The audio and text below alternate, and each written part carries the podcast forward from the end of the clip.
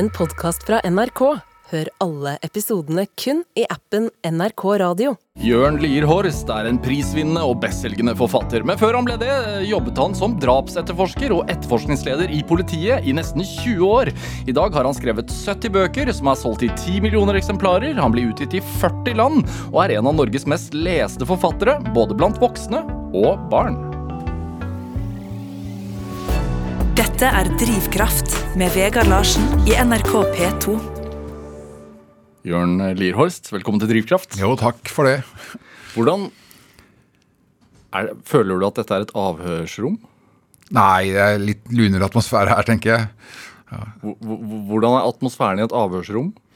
Eh, ja, det, det kommer litt an på hva det skal snakkes om, selvfølgelig. Men eh, eh, der var det ofte litt mer trykket stemning, jeg må si det. Hvor små er de?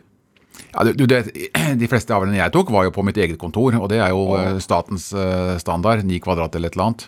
Eh, men men seinere så har det blitt mye mer vanlig å innrede egne kontor. For nå skal jo alt dokumenteres mye mer enn det det gjorde for bare ti år siden. Altså skal filmes og gjøres opptak og, og den slags. Hva var rutinene før du kalte inn noen på avhør på kontoret?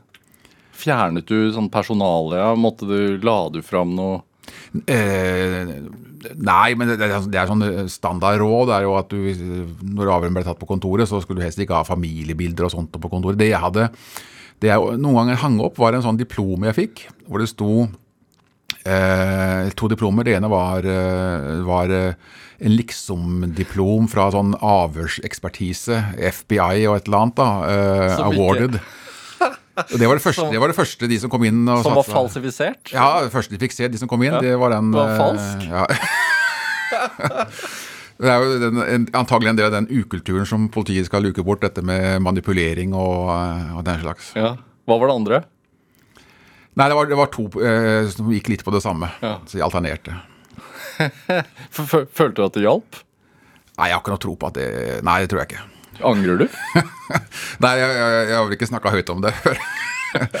Så eh, det var kanskje et sjofelt knep. Ja. Er man nervøs før avhør? Eh, Som avhørsleder eller som avhører. Ja. Eh, nei, men du vet at eh, nå har jo dette med avhør blitt så veldig eh, Altså, nå er det jo en utdannelse på det. Ja. Eh, det var ikke når jeg begynte. Da lærte man liksom bare hvordan man skulle gjøre det av de som hadde gjort det eh, før da. Eh, og det som jeg kanskje kan savne eller etterlyse i det som jeg- Eller dagens avhørssituasjoner, er det å kunne eh, følge en samtale. altså Nå er liksom et forberedelse til avhør det kan være liksom flere av fire sider med punkter man skal gjennom, veldig strikt oppsett. Mens det også kunne føle, føle temperaturen i avhørsrommet og følge den veien samtalen tar, det er kanskje ikke vært noe særlig fokus på. Nå, nå, gjennomf vet du hva? nå gjennomføres det jo politiavhør hvor man ikke spør om 'gjorde du det'? Det, er liksom, ja, det, det glemmer man gjerne, fordi man skal spørre om så mye annet. Er det sant? Ja, Men hvordan vet du det? Leser du avhør? I ettertid? Ja, noe. Research? Men dette har jeg også snakka med med, eh, dette er en sånn standard joke i etterforskermiljøet. Eh, Når alt er blitt så veldig regulert, så kan man fort ofte glemme det som er liksom det essensielle, det viktigste. Ja, jeg vet du var på sommerfest til Åsted Norge i går. Ja, Eh, krimprogrammet på TV 2. Mm. Er det en sånn joke dere tar der? På sommerfesten på Åsted Norge? Ikke, ikke den Jeg har ikke hørt den der, nei da. Men Åsted Norge er jo veldig hyggelig for meg. Nå er det ti år siden jeg slutta i politiet. Ja. Eh, og det å Jeg får ofte spørsmål om jeg savner det. Eh, og, og det gjør jo. Jeg savner jo kolleger. Jeg savner litt av det å være på innsida av politiarbeidet. det Litt bak politisperringene. Vite hva, litt mer om hva som foregår, ikke bare lese overskriftene i avisene. Eh, Så det å men, men det sagt, så, så lengter jeg ikke tilbake. altså Jeg trives veldig godt i den rollen jeg har nå. Men det å, å få delta i Åse Norge hver mandagskveld, det er liksom, da jeg føler jeg liksom at jeg er litt på innsida igjen. Så det trives jeg veldig godt med. Hva snakker dere om på, på sommerfesten? Er det bare cold cases og Ja, Jeg havna jo i den enden av bordet hvor, eh, hvor disse Kripos-etterforskerne som deltar, satt. Så der ble det mye cold, eh, cold case. ja. Ble det noen oppklaringer i går? Nei, det gjorde nok, eh, det gjorde nok ikke. Mange teorier, selvfølgelig, men ikke noen oppklaringer. Dette er Drivkraft med Vegard Larsen i NRK P2. Og i dag er forfatter Jørn Lierhorst her hos meg i Drivkraft på NRK P2. Dette med å savne å ha, et, uh, ha kolleger. Savner du smalltalk ved, ved kaffemaskinen? Du vet, Smalltalk har jeg aldri vært noe spesielt uh, god på. Uh, det, det, det jeg savna mest når jeg slutta og holdt på å si, begynte for meg sjøl, det var jo altså fredagsfølelsen. Helg, altså Det å gå hjem fra kontoret på fredag ettermiddag og liksom at nå var det helga, Ja. nå var det fredagen, det kunne jeg nok savne. Hvordan er fredagen for deg? Den er egentlig lik eh, resten av uka, nærmest. Og det er lørdag og søndag og strengt tatt. Ja. Hvordan er de dager? Også hvordan er en helt vanlig dag for deg? Eh, Lange? Nei, jeg, jeg er jo tidlig oppe om morgenen, og det handler jo mest om at jeg har, jeg har en hund som skal tidlig i gang. Så, så jeg eh, går en tur med den eh, på morgenkvisten. Og når jeg kommer tilbake, så har kona ordna kaffe til oss, og da tar vi det over kjøkkenbordet. Og så tusler jeg som regel opp eh, på arbeidsrommet mitt. Og da da er det jo egentlig av en sånn si en ti timers arbeidsdag, da, så er det jo kanskje tre timer som er skriving. Eh, det går jo stadig mer og mer tid til administrasjon, rett og slett. Altså svare på henvendelser og eh, Hørte du du sa det i stad, ikke sant. 40 land. Eh, og det betyr jo at eh, det utgis jo nesten en bok i uka et eller annet sted. Mm. og da, om ikke jeg er på besøk, så skal de gjerne ha noen intervjuer, enten på e-post eller telefon eller den slags. Så det er, mye, det er mye mer enn skriving som følger med i den jobben her. Men hvorfor er det viktig for deg å være tilgjengelig? Nei, ja, det Ja, ja hvorfor er det viktig? Du kan jo velge å være en, en, Ja, den, den forfatteren er, som aldri gir intervjuer, men som leverer bestselgere. Ja, men det er, det er det nok slutt på, altså. Eh, det følger jo dette med sosiale medier. Det er, liksom, det er liksom slutt på det at man kan sitte i et år og skrive en bok, og så eh, overlate resten til, eh, til forlag og, og bokhandlerne. Du må være med videre på, på den bokas eh, reise. Og jeg tror det også var Eh, en av grunnene til min suksess er at når jeg, allerede når jeg starta den første boka, så fikk jeg et godt råd av en Tønsberg-forfatter, Jan Melum. Han sier at ja til alt. Du må si ja til alt. Og det var egentlig et godt råd. Eh, så jeg sa ja til alle invitasjoner hvis det passa sånn opp mot eh, jobb og alt mulig annet. Så, reiste jeg rundt på bibliotekkvelder for å være til stede og være tilgjengelig og være med med boka ut. Nå var jo det også før både Facebook og sosiale medier, men eh, jeg tror det var viktig. Men det har hengt ved? Ja. Ja, så Altså, Nøkkelvitnet kom ut i, i, i, i 2004, og, og, og da skjønner jeg at man skal si ja til alt, fordi da debuterer Ja, man. ja. Men, men eh, etter da nå 70 bøker, så vil jo, vil jo det ha en pris også. ja, det går jo utover øh, noe. Ja. Uh, men jeg har Hva får du igjen for det, da? Uh, ja, det, jeg syns det er hyggelig å møte mennesker. Mennesker som er interessert i litteratur, mennesker som er interessert i det jeg driver med. Altså Det motsatte ville jo vært fælt om, om ingen hørte fra seg, om ingen inviterte meg rundt, om ingen ville ha besøk. Eh, men alt dette er jo selvfølgelig også en form for altså det er jo en form for markedsføring, selvfølgelig. Eh, så, så forlagene dytter jo på. Hvorfor er smalltalk vanskelig for deg? Smalltalk er jo ofte litt sånn uinteressant. Uh, altså, altså, altså For all del. altså, Men sitte, i et middagsselskap, eh, bryllupsmiddag eller et eller annet sånt, og så Ja, hva jobber du med, og hvor har du og uh, Ja. Du liker ikke det?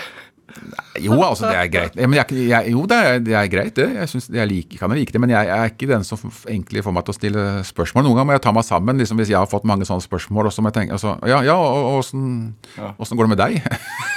må jeg ta meg i å spørre. Ja. Hva er den optimale, eh, tilfeldige bryllupsgjesten som du blir plassert ved siden av? Ja, si nå det. Eh, nei, men jeg liker jo mennesker som er eh, engasjerte og dedikerte, som har liksom et eh, Ikke kall her i livet, men mennesker som, som har en eh, kanskje en faglig interesse som de brenner for å snakke om og fortelle om. Og eh, selv om jeg har det når det gjelder kriminalitet, altså eh, Det har jo alltid opptatt meg. Eh, kriminalitetens årsaker og menneskene som begår det, og enkeltsaker og alt sånt, har jo alltid både fascinert meg og engasjert meg. Men jeg, jeg liker ikke å Og det er stort sett det jeg driver med, men jeg liker ikke å prakke på andre mennesker liksom mine interesser i et sånt selskap. Så eh, det er kanskje også et hinder da for den smalltalken. Mm -hmm. Men er du nysgjerrig? Ja, det, jeg, det er nok kanskje både en politimanns og en forfatters en av de viktigste egenskapene. Det å være litt vitebegjærlig. Helt klart. Ja. Vil bare ikke prate med folk, si. jo, de må, ja, jo da, de må gjerne Men jeg syns, praten i avhørsrommet, som vi begynte med her, den gikk mye lettere, egentlig. Ja. Eh, For det var på en måte eh, mer interessant, mer ærlig, mer rett fram. Ikke så mye utenomsnakk. Nei. Det med eh, at det er mye administrativt Mm. Det å altså, gi ut en bok eh, nærmest Hva var det du sa? Altså en bok eh, hver tiende dag, eller noe sånt? Nei. Ja, nå, øh, det, er jo, ja, det blir jo omtrent da, men mange av de kommer jo samtidig på høsten, litt her og litt der. Det er jo masse arbeid, men i tillegg så er du jo medeier i et forlag. Ja, Eh, selvvalgt, det også. ja da. Det, og det var jo mye arbeid når vi starta opp. Nå, eh, jeg har jo, nå er jo jeg trådt tilbake fra driften, det, det som i dag heter Bonnier Norsk Forlag. Mm. nå er jeg egentlig bare forfatter. Ja, Så du har ikke noe med driften å gjøre i det hele tatt lenger? Jo, jeg, er jo, jeg sitter jo i styret der, men den daglige driften eh, er jeg ikke engasjert i. Hvorfor er det viktig øh, å, å være involvert i, i bransjen i videre forstand enn bare som forfatter?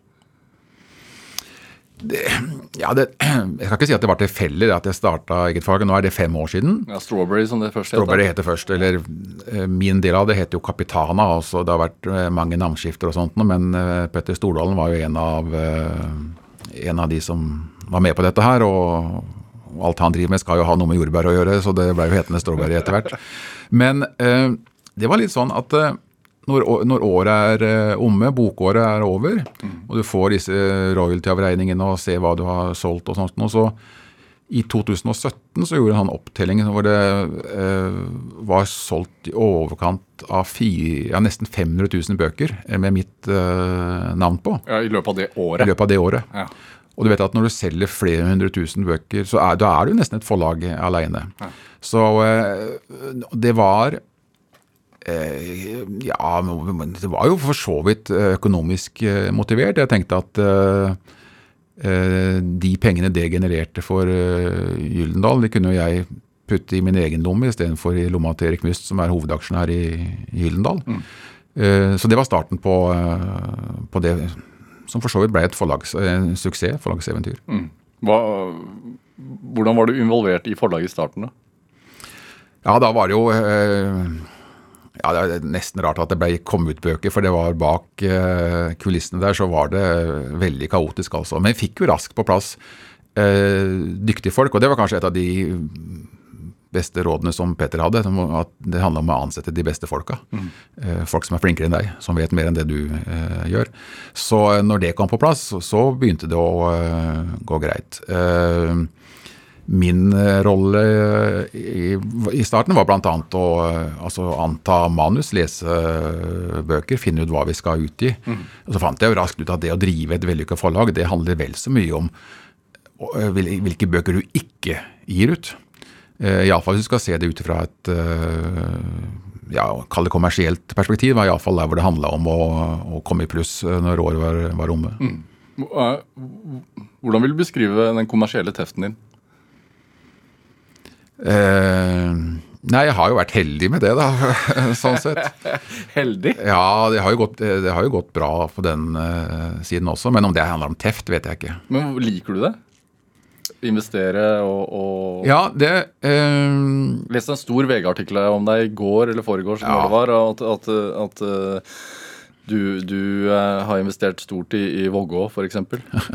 Ja da, det er jo en, eh, for så vidt en forlengelse av dette forlaget. Ja. Du og Magnus Rønningen. Ja. Kjøpt halve bygda. Ja, ja da.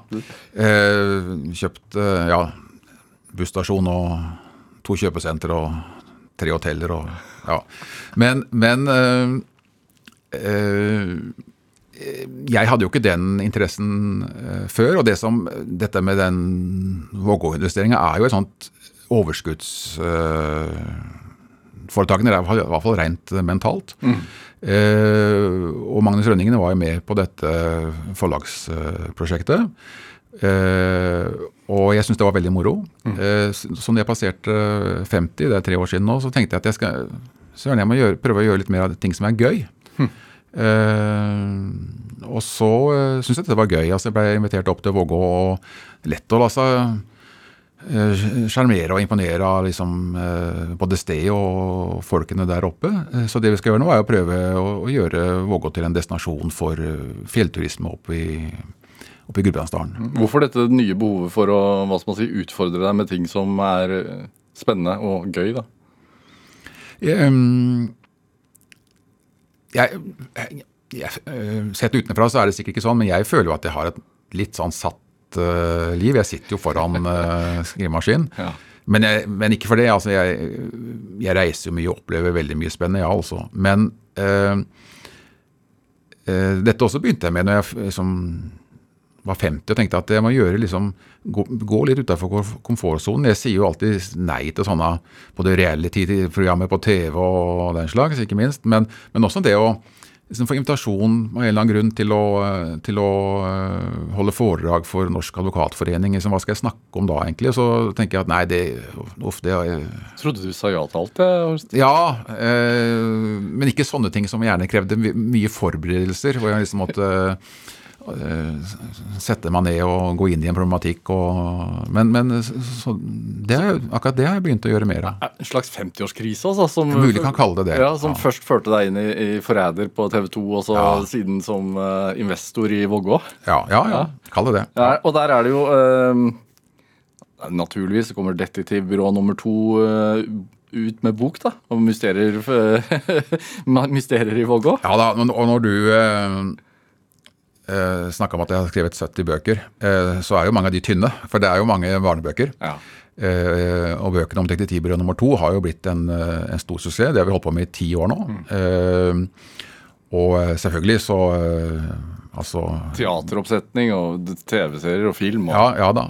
voldsomt. Over tre millioner solgte bøker i Norge. Og det er det er voldsomt. Ja. Uh, men selvfølgelig tar jeg med noen av de mysteriene også opp til, til Vågå. Vågå er jo en by for mysterier, det. Og mysterier må jo løses. Ja. Så, men Når, når, når drar Wisting på ferie ditt? Ja, det, eh, Du er ikke den første som spør, så vi får se. Men, eh, men jeg var jo oppe der i helga og, og, skrev jo noen kapitler der oppe. Men, men Wisting er ikke der ennå. Altså. Men, men, sånn er jo jeg laga også, da. 70 bøker på 20 år. Altså Jeg er jo sånn at jeg kan skrive egentlig hvor som helst og når som helst. Ja. Så mye av det jeg har skrevet, er jo blitt til på, på si flyplasser og kafeer og hotellrom og den slags. Hva skyldes den evnen? Ja, si nå det. Eh, det er kanskje egenskaper som jeg har hatt med meg også fra den jobben i politiet. Det å være eh, eh målretta, arbeidskapasitet, konsentrert, vite hva man skal gjøre og, og når man skal gjøre det. Og, mm. ja. hm.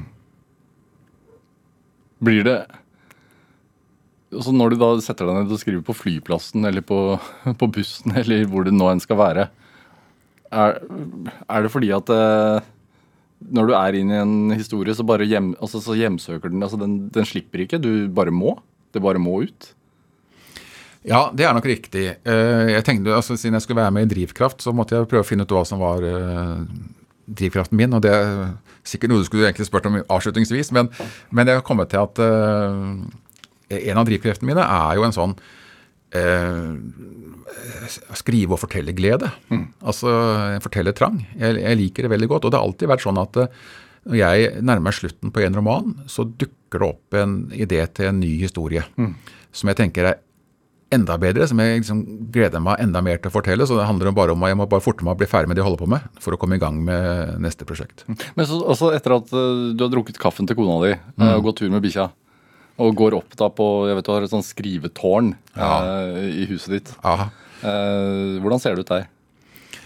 Ja, det, er, det høres jo også flott ut, men eh, Det er flott med Ja skrivetårn. det er, det, egentlig så er det jo en utgang til en takterrasse, eh, og så er det vinduer eh, 360 grader rundt, sånn at eh, det er dårlig plass til bøker i hyllene. og Det er ikke noen bokhyller, det er ikke noe særlig på veggene. Det er ikke sånn at eh, eh, det er en vegg full av Post-It-lapper. Eh, tvert imot så har jeg dratt ned alle persiennene. Altså Jeg sitter jo der og ser utover Larviksfjorden mot Stavern og Svenne fyr. Mm.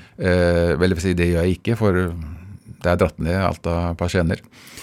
Eh, så, så ikke, ikke noe sånn De som måtte ha en sånn eh, slags romantisk eh, forestilling av, eh, av eh, arbeidsplassen til forfatter, så jeg er jo mer en sånn digitalforfatter. Disse, disse elektroniske Nei, disse her eh, Post-It-lappene de har jo jeg på datamaskinen. Maskinen, som er, og det, som det er synkronisert her og der, som jeg har en laptop eller hjemme. Eller, så liksom alt er samla der, da. Hvor ryddig er du? Eh, På overflaten eh, er det nok ryddig, men hvis du åpner skuffer og skap, så ser du at det er dytta inn der. Eh, så jeg liker å ha det ryddig rundt meg. Ja. Men jeg har jo et annet kontor òg. Eh, for jeg eh, eh, Før jeg bygde dette huset og dette skrivetårnet, så hadde jeg en leieavtale med altså Forsvarsbygg, gamle militærområdet i Stavern. Og inni leiren der har jeg et et eksternt kontor, da. Og der, er det, der har jeg grodd fast, for der er det kan på en måte alt av sånne minne...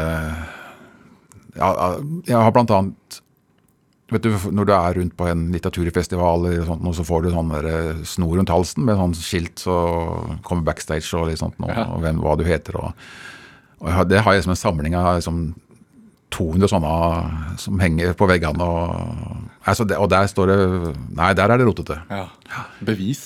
Bevis. Og, og, og, og der er det jo åpent, faktisk. Hver onsdag om sommeren så har jeg åpent uh, for uh, sommerturistene i Stavern. Da er det lov å komme inn på besøk og se på rotet. Sitter du der da? ja, Ja. fire timer hver onsdag. Ja. Er det Skriver du eh, I forhold til når du skriver en, en, eh, en roman, da, er det Velger du kontor ut ifra hvor du er i handlingen? Nei. Nei. Nei da. Så det er ikke sånn at uh, avslutningen alltid er i militærleie? Nei da, jeg har, jeg har lite sånne rutiner og lite sånn, uh, sånn overtroiske ting man gjerne skal gjøre, eller ritualer og den slags. Uh, og jeg har jo omtalt meg mer sjøl som en håndverker enn en kunstner. Hva vil det si? Ja, altså Kunst og håndverk var jo samme faget på min, i min skolegang. Men eh, eh, det jeg liker med skrivingen, og krimskrivingen, er jo det her som er litt sånn urmakeraktig puslespill, hvor alt skal passe inn i, eh, i hverandre.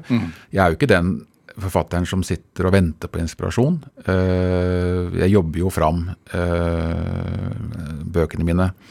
Og akkurat som en akkurat som en, som en håndverker, da, si en snekker, så eh, du blir jo dyktigere i faget for hvert hus du setter opp, eller for hver uh, bok du skriver. Jeg skulle tro at eh, Forræderen, som er bok nummer Det er jo den 17. romanen. om- Settingvisningboken, ja. Ja. Som kom ut i høst. ja, og man skulle tro at det ble liksom lettere etter hvert, at man liksom fikk teken på det, men tvert imot så blir det jo, blir jo vanskeligere, altså. Fordi at uh, jeg blir jo mer kritisk til eget språk. Og så har du skrevet så mange bøker tidligere at det er liksom eh, grenser for I denne forræderen så regner det jo nesten gjennom hele boka.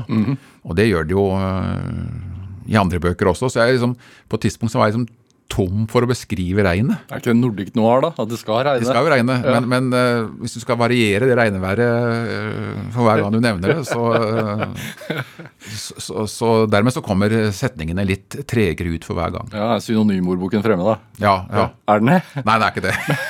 Men liker du eh, altså det med puslespill og, og hva skal man si, Tetris, og at eh, alt, alt har sin logiske plass? Ja, eh, helt klart. Er hjernen din sånn? Ja, sånn er, sånn er jo hjernen min også. Så, så hjemme hos dere så kniven har sin plass, og Ja, ja, ting skal ligge ja men det er ikke Det er nok ikke helt sånn i garasjen min. Men eh, jeg tenker etter. Hvilke, hvilken del av skriveprosessen liker du, altså gir deg mest, da? Eh, det, er, det, er, eh, det, er, det er skrivingen. Ja. Uh, Mange, mange forfattere sier jo at de elsker å komme opp med ideer og plott og sånn, men hater skrivingen. Ja, men du er motsatt. Ja, eh, langt på vei. For én ting er dette her med, med det brikkene som skal falle sammen, men en annen ting er sjølve eh, teksten. altså. Det husker jeg jo helt fra jeg gikk på barneskolen, for jeg lærte å skrive. Jeg likte jo å skrive, men det jeg likte, var liksom det å ha en setning. Og så bare legge til et ord eller to, og så forandre, forandre på mening eller forandre på stemningen og, og atmosfæren. Mm. Eh, det koser jeg meg med. Nesten som matematikk, da? Nesten som, Ja, ja. Se for deg liksom en setning der det ligger et rødmalt hus oppi lia. Men hvis du legger til at det har smårutete vinduer, så liksom, får du et annet uh, bilde. Og hvis, hvis, røyken stiger opp av pipa, så Da er noen hjemme. Ja, ikke sant. Så, så, så, det å sitte sånn og pusle på setningnivå uh, liker jeg godt. Ja. Eh, forræderen, som, som, du nevner som jo ble skrevet under din, delvis i hvert fall, under din tid i Forræder. Um, ja. Det har jeg fått med meg. Uh, jeg leste den ferdig i går kveld. Ja. Um, følte jeg måtte være oppdatert. Takk. Uh, og uh, noe av det jeg likte aller best med, med den boka, var anslaget. ja, Det er jeg fornøyd med sjøl òg, så det er hyggelig at du Ja, Hvorfor er du fornøyd med det? Fordi Kort oppsummert, altså er Wisting eh, på Er han på Han er ikke på, på Han er bare ute og kjører Nei, det er på vei hjem fra et seminar. Ja. ja. Og så får de beskjed Eller de ser masse blålys, og så ja. får de beskjed om at det har gått et jordras. Mm. Ja, da stemmer det. Og, og så Wisting havner jo midt i redningsarbeidet. Det er sånn. Eh, det har eh, gått, gått med ti hus. Men det arbeidet går jo bra. I løpet av natta så blir det jo klart at alle beboere og besøkende er gjort rede for. Eh, men neste dag, da, i kapittel tre er det vel, så eh, Må ikke, for, må ikke avsløre det? Nei, kapittel tre kan vi avsløre. For da, for ligger, da ligger jo likevel en død mann i dette rasområdet. Ja. Og først en eh, sånn lur, en lur, Hva skal man si, du lurte meg litt i starten her med en naken kvinne. Ja. Du trodde det skulle være Ja, det, det, det, var det du tenkte at jeg ja, skulle tro? Ja, trodde det. Men det at jeg er fornøyd med det, det heter jo som in medias res, ikke sant? hvor du starter inn i en historie med en litt uh, aktiv handling. Mm. Uh, mange av bøkene mine er nok sånn at det er en sånn sakte introduksjon, uh, både til karakterer og steder og forbrytelsen. Mm. Men her var det da mulig å plassere Wisting midt i begivenhetens sentrum. Ja, Men det starter jo ikke med et drap eller sett gjennom drapsmannens øyne, som er veldig vanlig å gjøre. Mm. Uh, men det også er jo et problem, eller en utfordring når du har skrevet 17 bøker ja. i samme serie. Så uh, må du jo gjøre det litt forskjellig hver gang. Ja. Men samtidig så vil jo leserne ha liksom, det samme gamle. Så den balansegangen må jo at det er veldig kjent og kjært for, for faste lesere, samtidig som det er noe nytt og spennende og utfordrende. Det er en sånn ja, det er en krevende øvelse, faktisk. Når i prosessen kommer du på anslaget? Uh, ja, si nå det. Uh, jeg har uh, jeg, tenk, jeg, tenker nok på et nytt manus i, en måned, halvannen, før jeg tillater meg å begynne å skrive. Ja. Så i den måneden halvannen så er det bare løse notater og brikker. Hvor, hvor påvirket blir du av, av eh, omverdenen mens du skriver og ideene til boka di? Altså, ak, mm. Også aktuelle saker. Også fordi Da jeg leste den, så tenker jeg både på Gjerdrum-raset mm. og jeg tenker på Lørenskog-saken. Mm. Tenkte du på disse tingene?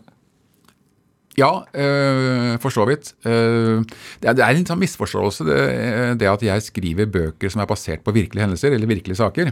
Det har jeg bare gjort én gang. 'Nøkkelvitnet', som du nevnte. Debutboka mi er jo basert på det som fremdeles er et uløst drap hjemme i, Larvik. Mm. Ram-saken, som det kalles. men det jeg alltid gjør, er å skrive bøker basert på en tematikk da, som jeg syns er interessant. og du snakka om idé til bøker. så det holder egentlig ikke med én idé. vet du. du må, det er først når du har liksom kanskje tre, fire eller til og med fem gode ideer, eh, og kan flette de inn i hverandre, at du får en uh, god historie. Mm. Så det, det, jeg jo ville gjøre i den forelderen, var jo å uh, på en måte bringe inn dette med klimaendringer og miljø inn som en litt sånn aktiv del av handlingen. Grunnen til at dette raset går, er jo fordi det har regnet i ukevis. ikke sant? Jorda er metta av vann, og så gir til slutt uh, etter. Uh, men det som nok var utgangspunktet, det var en sånn erfaring, opplevelse jeg hadde 20 år tilbake i tid, hvor eh, vi skjønte det at eller eller vi erfarte at eh, interne opplysninger, sensitive opplysninger fra politiet, lakk ut i kriminelle miljøer. Vi skjønte at eh, det var noen i politiet som, som, som sto i ledtog med kriminelle. At vi eh, hadde en forræder eh, iblant oss. da. Og, eh, og det var jo den ubehagelige følelsen, opplevelsen av å skulle gå på jobb og ikke kunne stole på de, noen av de du jobbet tettest med, eh, var en vond erfaring som passa godt inn i en bok. Men samtidig så betydde det jo også at ingen kunne stole på, på meg heller. For jeg var jo også blant de Jeg kunne jo like godt være den som var forræderen.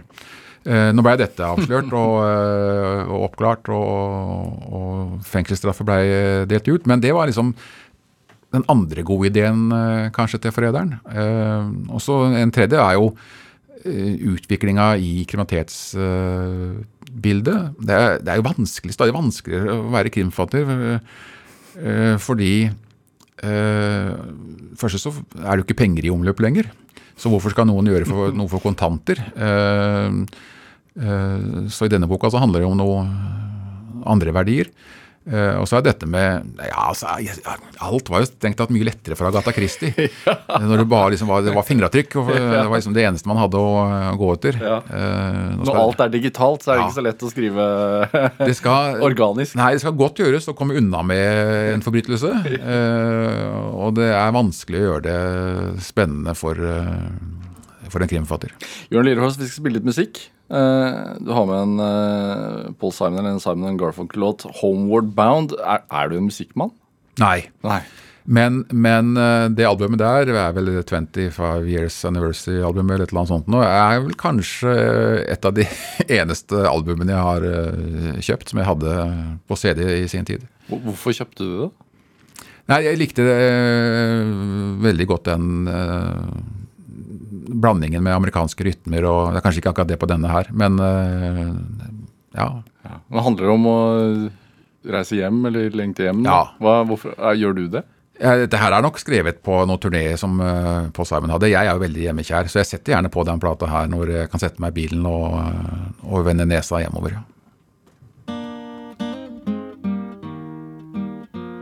I'm sitting station, got a ticket for my destination. Mm. On a tour of one night stands, my suitcase and guitar in hand, and every stop is neatly planned for a poet and a one man band. Homeward bound, I wish I was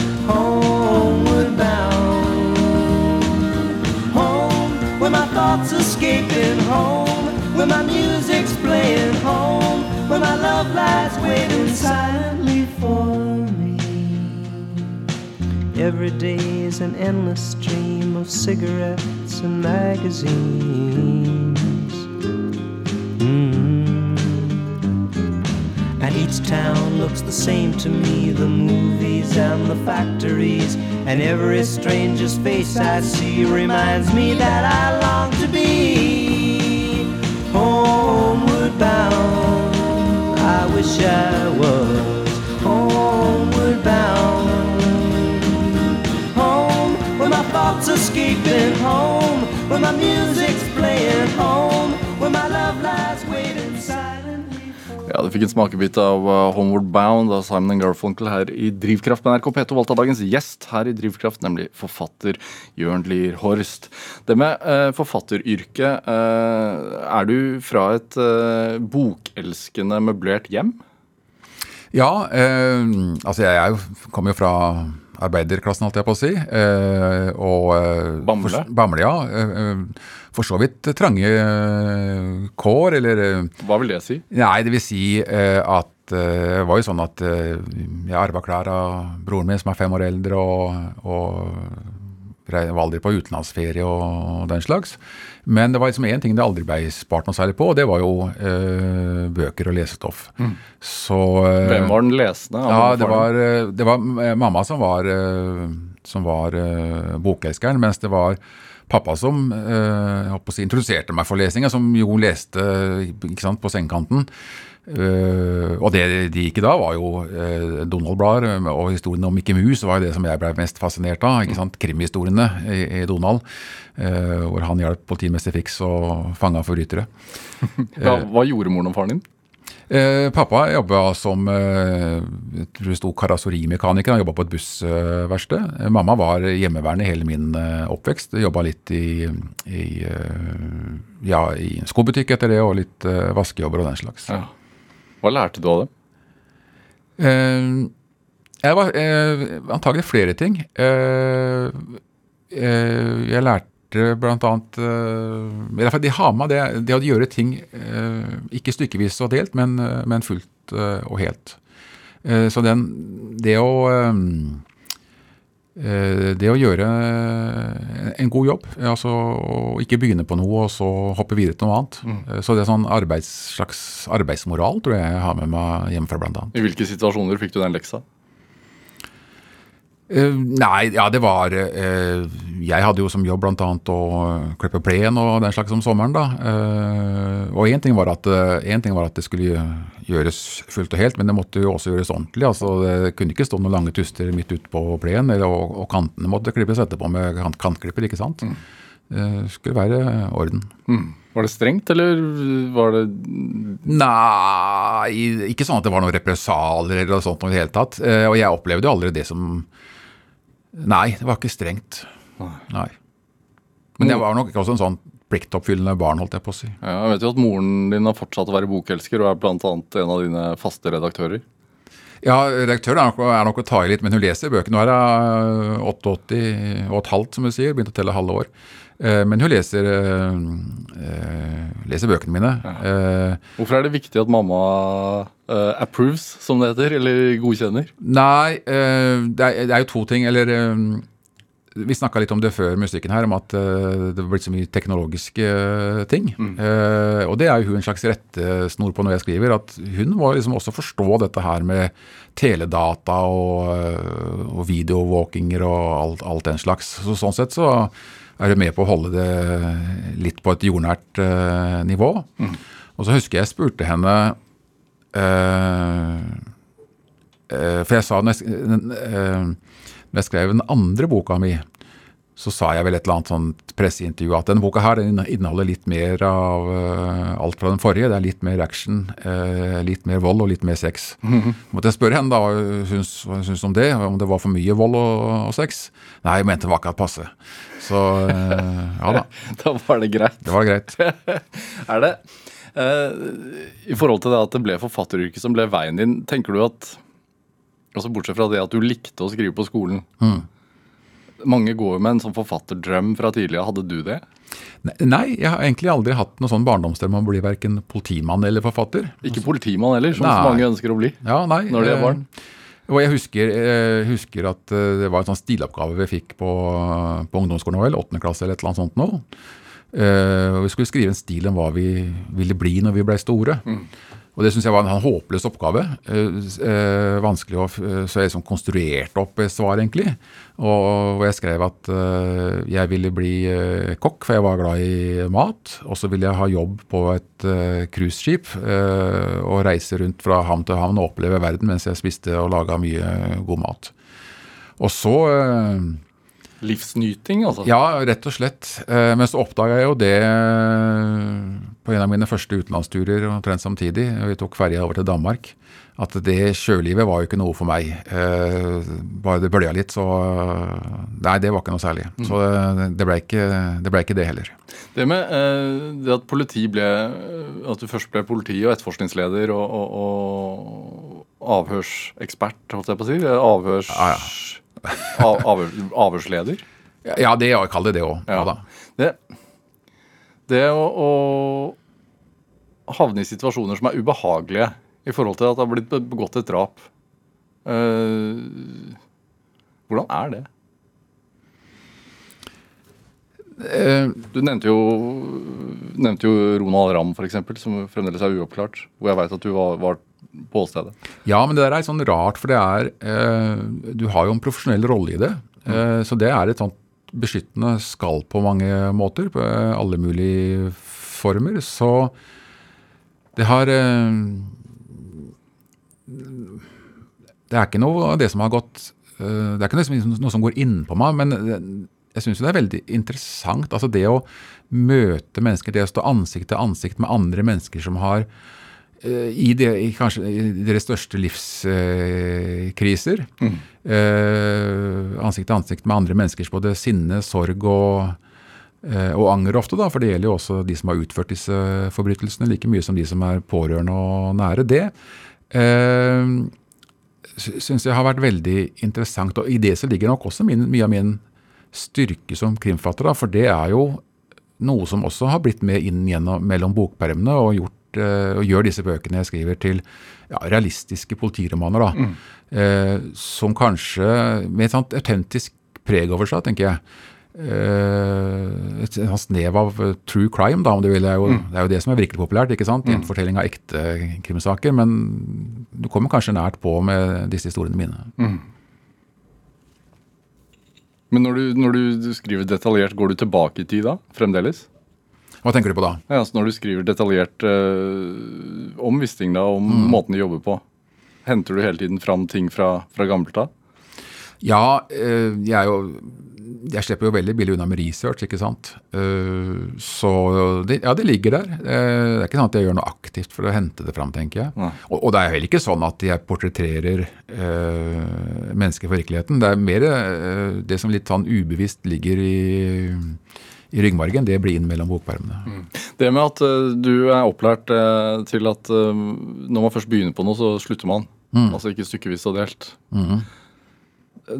Det- at du, du havnet i den saken med, med Ronald Ramm som fremdeles ikke er oppklart. Hva er, var det det som altså, Gnager det ennå? Nei, Øh, øh, jeg skulle gjerne ha svar på mysteriet. Ja. Eh, Var det det som gjorde at du måtte skrive om det? Ja, det var nok, ja, det var det jo. Eh, den boka var jo Tanken bak den boka Og jeg, jeg skulle jo bare skrive en bok, jeg.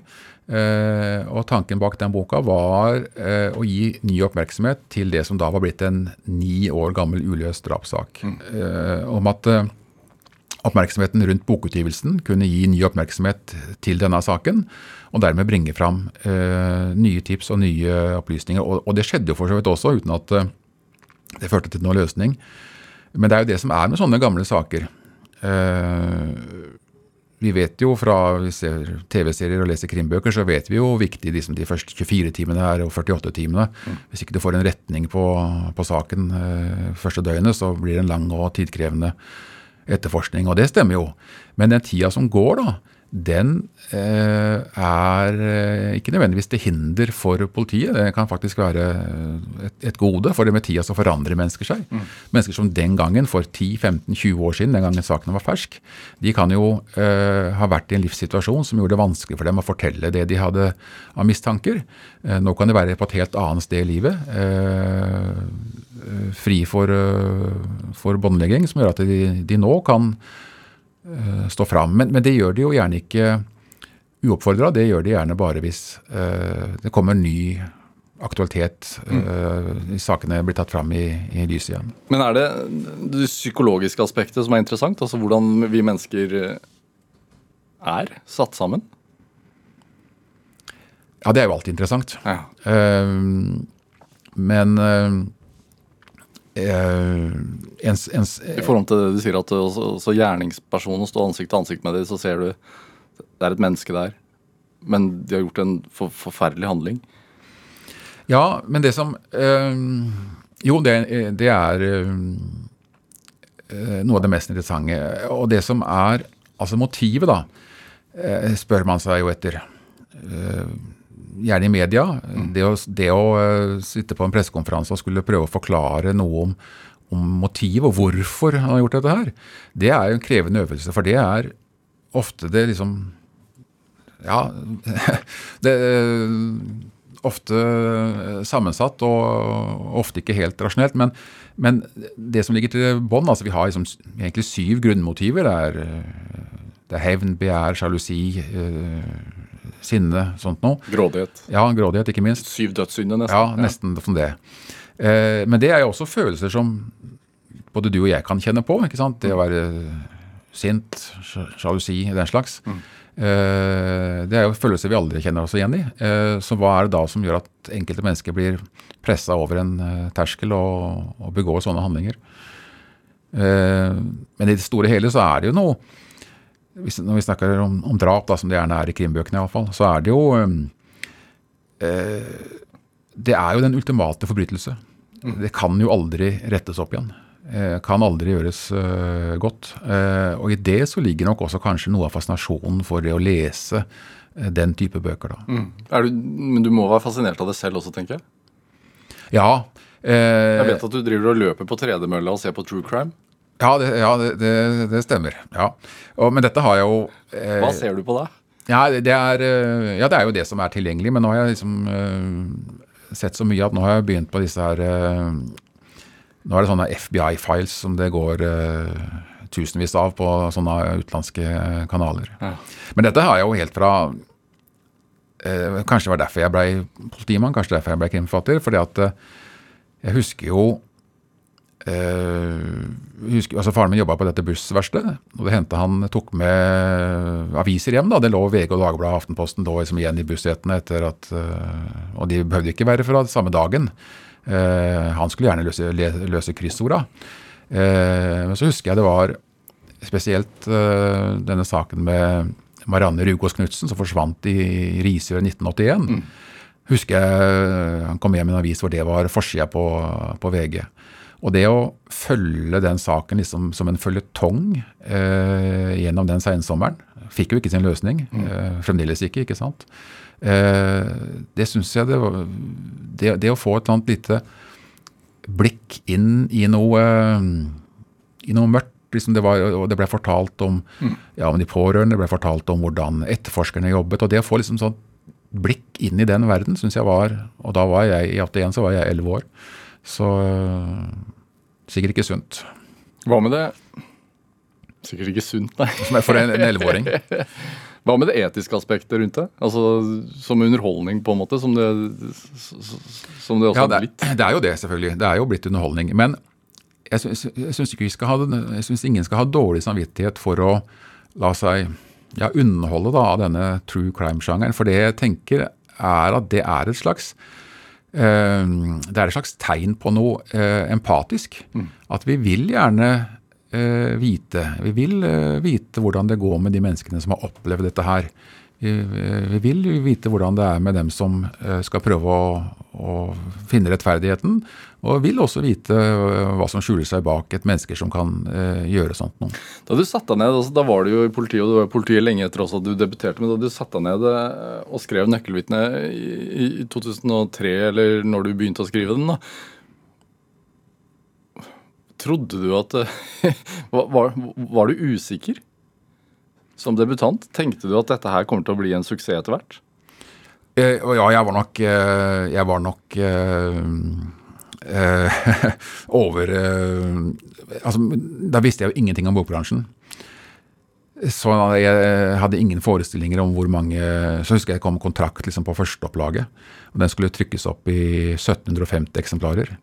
Jeg synes jo det var liksom, For da hadde jo det, var- det, var jeg vant, det jeg var vant til, var jo å se eh, forlagsannonsene i, eh, i Dagbladet, liksom en uh, bestselgerlistene nå 100 000. altså Det var jo bokklubbdronningen og sånt. Eh, nå 70 000, og så skulle de trykke opp den boka der i, i eh, 1750. 1700. Da ble, da ble jeg skuffa, så alt av illusjoner eh, brast for så vidt. Ja. Eh, men så ble jo det en suksess. Og den er jo nå Jeg tror den boka er trykket i 28 opplag. Ja. Eh, bortimot 200 000 eksemplarer, og enda mer hvis du tar med sånne eh, lyttinger på strømmetjenester og alt mulig sånt noe. Eh, og den står jo fremdeles eh, i Når jeg kommer inn hos bokhandelen, så er jo den fremdeles eh, en del av og det, og det 20 år etterpå, nesten. altså. Hvor, det, hvor viktig er stahet å stå på og, og, og hva skal man si Viljen til å Eller stahet og stamina, da. Hvor viktig er det? Ja, det Ja. Eh, det er nok viktig, ja. Ja. Men eh, å være en stayer. Men det var jo aldri sånn Hvis jeg tenker tilbake altså jeg, jeg var jo først og fremst politimann. Og hadde interessante arbeidshverdag, interessante saker. Eh, Så det å til slutt slutte i politiet var jo ikke noe lett avgjørelse. Eh, Det som tvang det fram, var en sånn slags tidsklemme. For etter hvert så begynte jo dette forfatterskapet å rulle litt som en snøball som begynte å bli så stor at det var vanskelig å, å stoppe den. Eh, Så ble det også vanskelig å og eh, det å lage underholdning da, uh, og på samme tid uh, møte mennesker som hadde opplevd noe av det samme i virkeligheten. Er det derfor du hele tiden også må utfordre deg selv? altså det har Du vært med å kjøpe hotell nå, men, men også innenfor forfatterskapet. altså Barnebøkene er jo én ting. Eh, men så skriver du jo også Du har et eh, annet prosjekt sammen med Thomas Enger. Ja, Eh, bok nummer fem kommer ut denne uka, neste uke eller et eller annet. sånt. Ja, eh, Offer. offer, ja. Eh, som også er kriminallitteratur. Med politimann og journalist, og, men, men med litt annen tone. Ja da, i den serien der, Thomas Enger og jeg, jeg har jo skre- eh, kjent hverandre i veldig mange år. Vi skrev jo bøker sammen på, på Gyldendal. Eh, og når vi møttes, og det, og det var ofte rundt omkring ellers i, i verden, på sånne eh, bokmesser og, og arrangementer, så ja, smalltalk vet du om meg. Eh, det vi, det vi snakka om var jo bøker vi hadde lest siden sist, og hva vi likte og ikke likte. Ja. Og eh, vi fant ut at vi eh, vi hadde liksom den samme forståelsen, samme stilen. Og det var nok utgangspunktet for å, å skulle prøve å skrive noe sammen også. Eh, Men eh, dette er jo annerledes eh, enn det jeg vanligvis gjør, og det vanligvis Thomas også har gjort. Altså, jeg har jo skrevet realistiske politiromaner. Dette er liksom helt den andre enden av sjangeren, eh, skalaen der, hvor, det er, hvor det er, vi finner disse her eh, psykopatiske seriemorderne som gjerne legger igjen noen skjulte beskjeder og, og leker seg med etterforskeren og den slags. Så det er jo eh, bøker som er litt sånn eh, ja, litt sånn larger than life. Og det, og det tror jeg handler om at man er to. For når man er to, så er man jo litt eh, er jo sterkere, ikke sant? Eh, og tør mer. Våger mer. Så disse dette etterforskerparet, Alexander Blix og Emma Ramm, eh, de blir jo satt på litt større prøvelser enn det jeg gjør for eh, Wisting i mine bøker. Mm. og, og forbrytelsene er mer utspekulerte. Og, eh, så det er liksom historier som er skrevet på større lerret enn eh, det jeg vanligvis gjør. Er etternavnet tilfeldig? Tenker på Emaram? Ja. Ja. det var Thomas som kom med det, og jeg var veldig skeptisk. Eh, du vet at eh, sånne krimhelter eh, har gjerne en sånn Det er vel et uttrykk for det, eh, med en sånn dobbel konsonant, eh, holdt jeg på å si. Harry Hole, William Wisting, Varg Veum, Bjørn Beltø. Det er jo en sånn bokstavrim med nesten alle sammen. Eh, så når det gjaldt Emma Ramm, så putta vi det emmene litt sånn innimellom. Og, og samme med Alex Blix, eller Alexander Blix, blir kalt for Alex Blix. Så, eh, Hvorfor er det vesentlig? Altså, Hvorfor er det et godt grep? Er det for å huske det bedre? Ja, det vil jeg tro. Eller er det Eh, Donald? Eller? Ja, Donald Duck. Det er kanskje helt tilbake derfra. Eh, Det ligger lett i munnen, da. Ja. Eh, Men her snudde vi altså på det og, og la det i bakkant. Hvordan kom du på Wisting, da? Ja, dette her var jo noe jeg var veldig bevisst på når jeg skulle skrive, lage min egen krimhelt. For da, allerede den gangen, over 20 år siden, så var jeg jo lei av å lese om alle disse politietterforskerne som gikk rundt eh, i fylla og løste drapssaker helt aleine. Altså, jeg ville ha en politimann i hovedrollen som var mer lik den politimannen som jeg kjente fra min arbeidshverdag. Deg selv? Ja, gjerne meg selv. Ja. Men iallfall eh, Og så måtte han hete noe. Eh, og eh, han er jo oppkalt etter en ekte helt. Eh, polarhelt Oskar Wisting. Eh, det er ikke så mange som husker eller vet hvem Oskar Wisting er egentlig når jeg snakker om det, men Oskar Wisting var altså Amundsens høyre hånd. De var jo sammen både Sydpolen og over Nordpolen, og ble sånn sett de to første i verden som hadde vært på begge polpunktene. Eh, og Oskar Wisting var jo fra eh, Larvik, da. Eh, så det får vi vite i eh, noen av de første bøkene om, eh, om eh, Wisting sin han, altså det, Jeg blander jo da fakta og fiksjon også når jeg lager en krimhelt, på samme måte som jeg blanda fakta og fiksjon når jeg skrev en krimbok basert på virkelige eh, hendelser. Og eh, ja, ikke helt ulik eh, Oskar Wisting, da, så er ikke William Wisting heller redd for å legge ut på ukjent farvann eller ja. Er du det? Nei, jeg er jo antagelig ikke det. Det å, det å bli rik og berømt er ganske stor Oi. kontrast til, til eh, det å jobbe som etterforsker i politiet. Har det endret deg? På hvilken måte? Nei, det, eh, eh, altså en økonomisk trygghet er jo alltid godt eh, å ha det. Og det gjør jo at du eh, våger mer. Du er ikke så redd for risiko, holdt jeg på å si. Eh, men om du har endra Jeg liker å tenke at jeg egentlig er den samme, altså. Eh, at jeg ikke har endra meg på noen annen måte enn det jeg ellers ville gjort gjennom 20 år. Nei. Og hva skal man si, arbeidsmoralen er fremdeles ekstremt sterk. Ja, ja det, nå, nå kommer det ikke noen Wisting-bok i år. Hva? Uh, nei. Uh, Er det et, et av disse årene? forrige, forrige gang var i 2008, Ja. men det kommer ikke i år. Hva skyldes det? Ja, det, det er nok en sånn liten tidsklem med det også. Eh, dette arbeidet med oss i Norge eh, Gnager det? Litt? Nei, det, nei, gjør ikke det.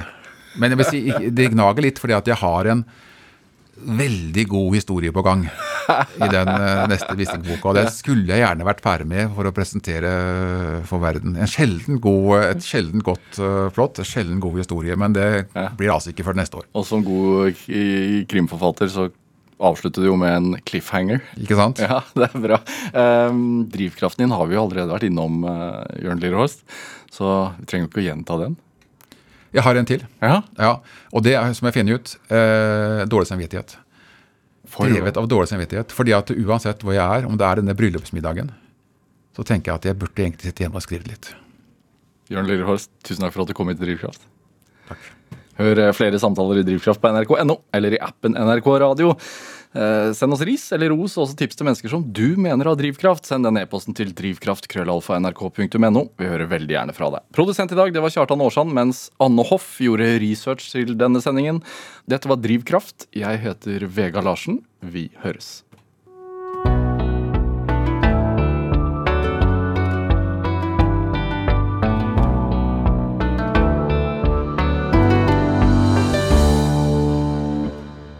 Du har hørt en podkast fra NRK. Hør alle episodene kun i appen NRK Radio.